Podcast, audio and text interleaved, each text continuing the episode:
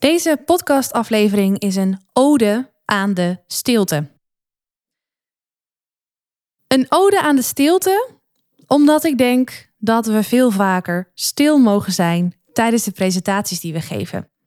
Laat me je vertellen waarom ik denk dat we dat nu te weinig doen, of waarom ik denk dat we dat nu niet doen. En laat me je ook vertellen hoe jij stilte kunt gebruiken om met meer impact en boodschap over te dragen.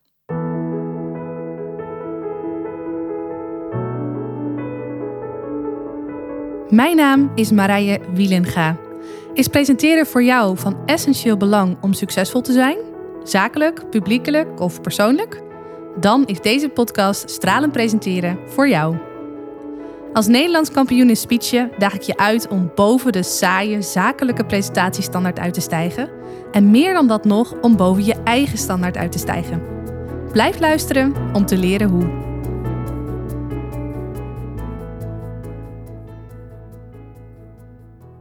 Stilte is iets wat we eng vinden. Tenminste, als ik kijk naar mijn klanten, dan vinden ze het over het algemeen vrij spannend om een stilte te laten vallen. Ergens is toch een soort overtuiging ingebakken dat je, als je aan het woord bent, je vooral door moet praten. Omdat je enerzijds niet wil dat je beurt vergaat. Wanneer er een stilte valt in een uh, dialoog tussen twee mensen, is het een soort ongeschreven regel dat het geoorloofd is voor de ander om die stilte op te vullen en dus het gesprek over te nemen. Dus dit is iets wat denk ik meespeelt, waardoor we liever geen stiltes laten vallen. Maar stiltes, ja, die voelen gewoon vrij ongemakkelijk. Ergens denk ik dat we ook een soort overtuiging hebben dat als je dan aan het woord bent, je ook maar aan het woord moet blijven. Dat het een teken is van zwakte als je even stil bent. Terwijl het tegendeel waar is. Veel goede sprekers laten juist de stilte voor hun werken en vinden het ook niet meer spannend om heel bewust een bepaalde stilte te laten vallen. Laat me je een aantal voorbeelden noemen over hoe stiltes in jouw voordeel kunnen werken. Ik wil beginnen met de kracht van stilte aan het begin van je presentatie. Laat ik even in mijn voorbeelden van uitgaan dat je een presentatie geeft op een podium. Dat hoeft natuurlijk niet zo te zijn. Er zijn heel veel verschillende uh, uh, manieren waarop je een presentatie kunt geven, online of juist voor een kleine groep. Hè, bij een dagstart op je werk of nou ja, verzin de mogelijkheden maar. Maar voor dit voorbeeld geef ik even een, uh, een, een voorbeeld van dat je dus fysiek op een podium komt om een verhaal te vertellen. Als je dat doet, dan word je aangekondigd, dan loop je naar het podium toe. In jouzelf uh, heerst al een bepaalde spanning, want oh, nu gaat het gebeuren, hè? nou komt het erop aan, nu ga je je verhaal vertellen. En door die spanning ga je hoger in je ademhaling zitten. Maar ook het lopen naar de plek op het podium toe maakt al dat je wat kortademiger bent dan wanneer je gewoon zit en er verder niks aan de hand is. Wat dan eigenlijk best wel gek is, is dat de meeste mensen geneigd zijn, zodra ze dus aangekondigd zijn en op het podium staan, meteen geneigd zijn om te beginnen met spreken.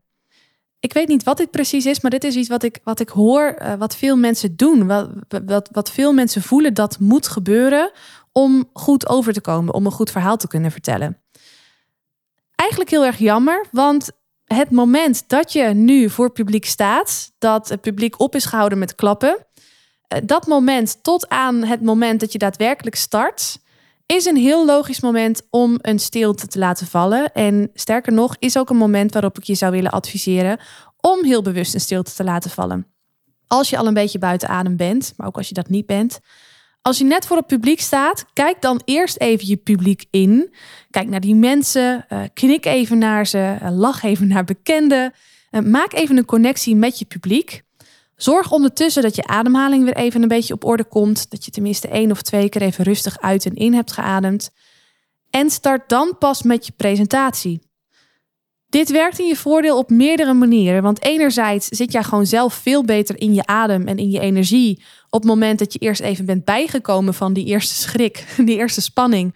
Uh, omdat je jezelf de tijd hebt genomen om, uh, om, even, ja, om letterlijk even op adem te komen voordat je begint. Dus het is voor jezelf een stuk prettiger. Maar ook je publiek vindt het prettig als je even wacht. Laat ze maar even uh, um, de aandacht naar jou toe vestigen uh, voordat je begint. Het is eeuwig zonde als je je verhaal begint terwijl mensen nog aan het klappen zijn en het dus niet per se goed hoorbaar is wat je zegt, die eerste zinnen. Maar het is ook vervelend als mensen eigenlijk nog even met hun buurvrouw aan het kletsen zijn. Of nog even hun telefoon checkt op dat laatste WhatsAppje wat mogelijk is eh, binnengekomen voordat, uh, voordat ze naar jouw presentatie gaan luisteren. Het is gewoon zonde dat je die eerste aandacht net mist, omdat je niet de ruimte hebt genomen om stil te zijn. Durf aan het begin van je presentatie, dus nadat je bent aangekondigd en voordat je gaat starten, eerst even stil te zijn om de mensen aan te kijken, om op adem te komen, eh, voordat je daadwerkelijk met je presentatie start. Een mooi voorbeeld hiervan, tijdens een, ehm, een, eh, een training die ik laatst gaf aan mijn klanten in het uh, drie maandse leertraject Stralen Presenteren, kwam het ook heel mooi aan bod. Er was een dame en die, nou, die, die vindt het ook spannend om te presenteren. En die heeft ook vooral een hekel aan die start van de presentatie omdat ook zij het idee heeft dat je vooral lekker moet blijven praten, vooral vlot moet blijven praten. Uh, dan ben je en sneller bij de eindstreep, maar uh, ja, dat, dat komt ook beter over. Zij kan zichzelf soms in de weg zitten door haar spreektempo. En ze heeft laatst een keer tijdens eh, de laatste live dag was dat heel bewust ervoor gekozen voordat ze startte met haar presentatie om ons allemaal even aan te kijken, om een paar keer adem te halen en om dan pas haar verhaal te beginnen. En ze zei ook later van dat contrast was zo groot. In het moment vond ze het doodeng. Want in het moment zat ze allerlei uh, invullingen te geven aan wat wij wel niet zouden denken van het feit dat zij nog steeds stil was en niet haar verhaal begon. Maar achteraf zei ze dat het goed was geweest. En ook toen ze de bevestiging van ons kreeg van joh, het, het, het oogde juist heel krachtig dat jij echt even het leiderschap nam over jezelf, over je verhaal, over je adem, weer even dat terugpakte voordat je begon dat straalde eerder kracht uit dan dat het afbreuk deed aan je verhaal. Dat gaf haar ook het vertrouwen van: oké, dit is dus hoe ik het voortaan mag doen. Ik hoef niet meer vast te houden aan die overtuiging dat, het, uh, dat ik zo snel mogelijk maar moet beginnen. Ik mag even de tijd nemen om op adem te komen en uh, even goed mijn focus uh, te kunnen leggen op het verhaal voor ik daadwerkelijk begin. Dus laat de stilte voor je werken al aan het begin van je presentatie. Want uh, dat komt alleen maar sterker over en het helpt jezelf ook om lekker in je verhaal te blijven zonder dat je gelijk al met uh, ja, een korte ademhaling uh, begint. Stilte laat je ook voor je werken als je net iets verteld hebt wat even mag nadreunen in de hoofden van jouw publiek ja, dat kan zo simpel zijn als je hebt net een, eh, een vrij ingewikkeld uh, woord uh, verteld, wat even wat toelichting nodig had. Maar het kan ook gaan om een retorische vraag. Een vraag waar je niet per se een antwoord op verwacht. Ja, het is heel verleidelijk om te denken, ja, het is toch maar een, een retorische vraag. Mensen gaan toch geen antwoord geven, dus ik knal gewoon lekker door met mijn verhaal. Alleen, het doet echt afbreuk aan jouw vraag als je dit doet. Want ook bij een retorische vraag wil je wel even dat mensen nadenken over het antwoord voordat je doorgaat.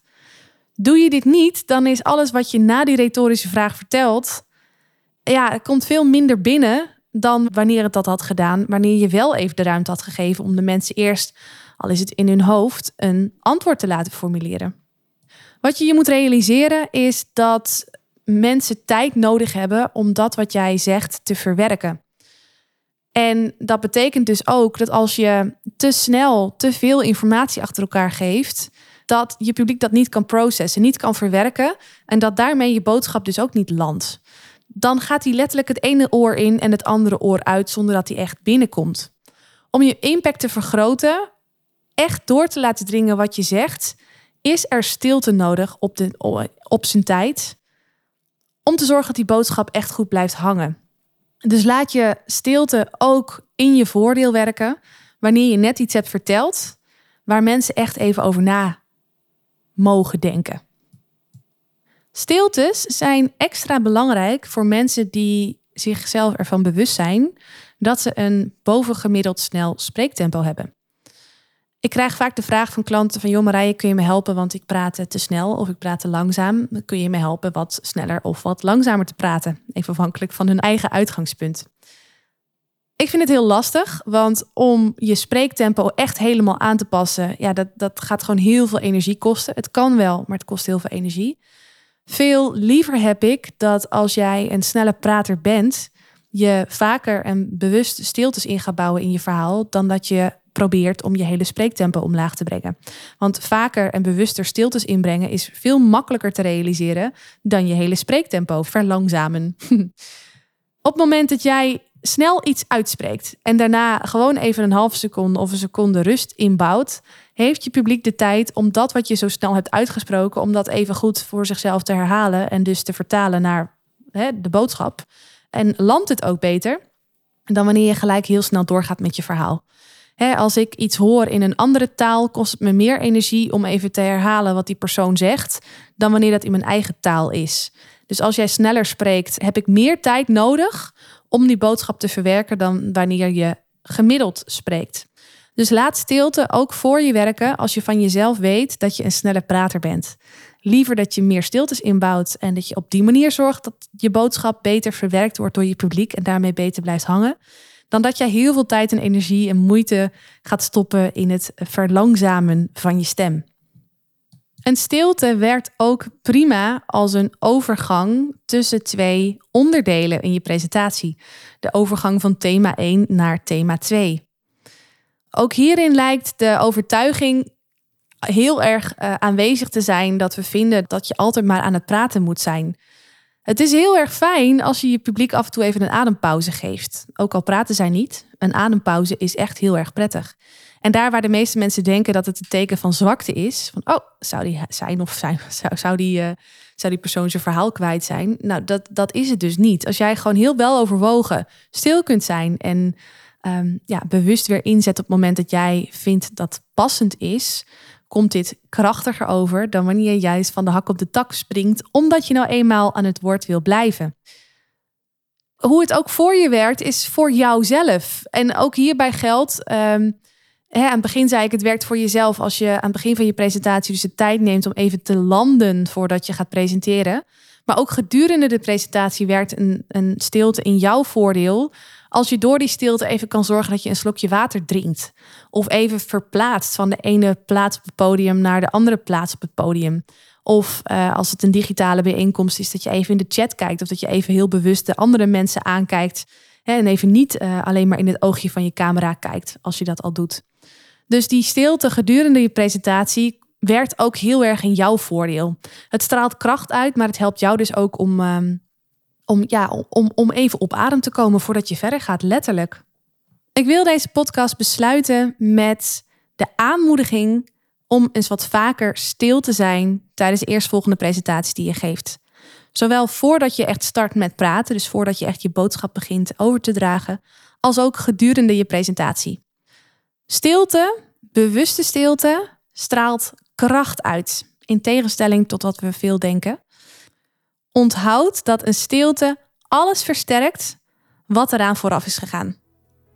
Die ga ik nog een keer herhalen. Een stilte versterkt alles wat je hieraan vooraf hebt laten gaan. Ik wens je een hele fijne dag toe en uh, heel graag tot de volgende podcastaflevering. Is deze podcast waardevol voor je? Abonneer je dan op mijn kanaal om geen aflevering te hoeven missen. En als je dan toch bezig bent, geef je hem ook even 5 sterren via Apple Podcasts. Zou ik echt enorm waarderen. Dankjewel. Onthoud, je drinkt niet door met woorden, maar wel met het gevoel dat je de ander geeft. Tot de volgende aflevering. Doeg!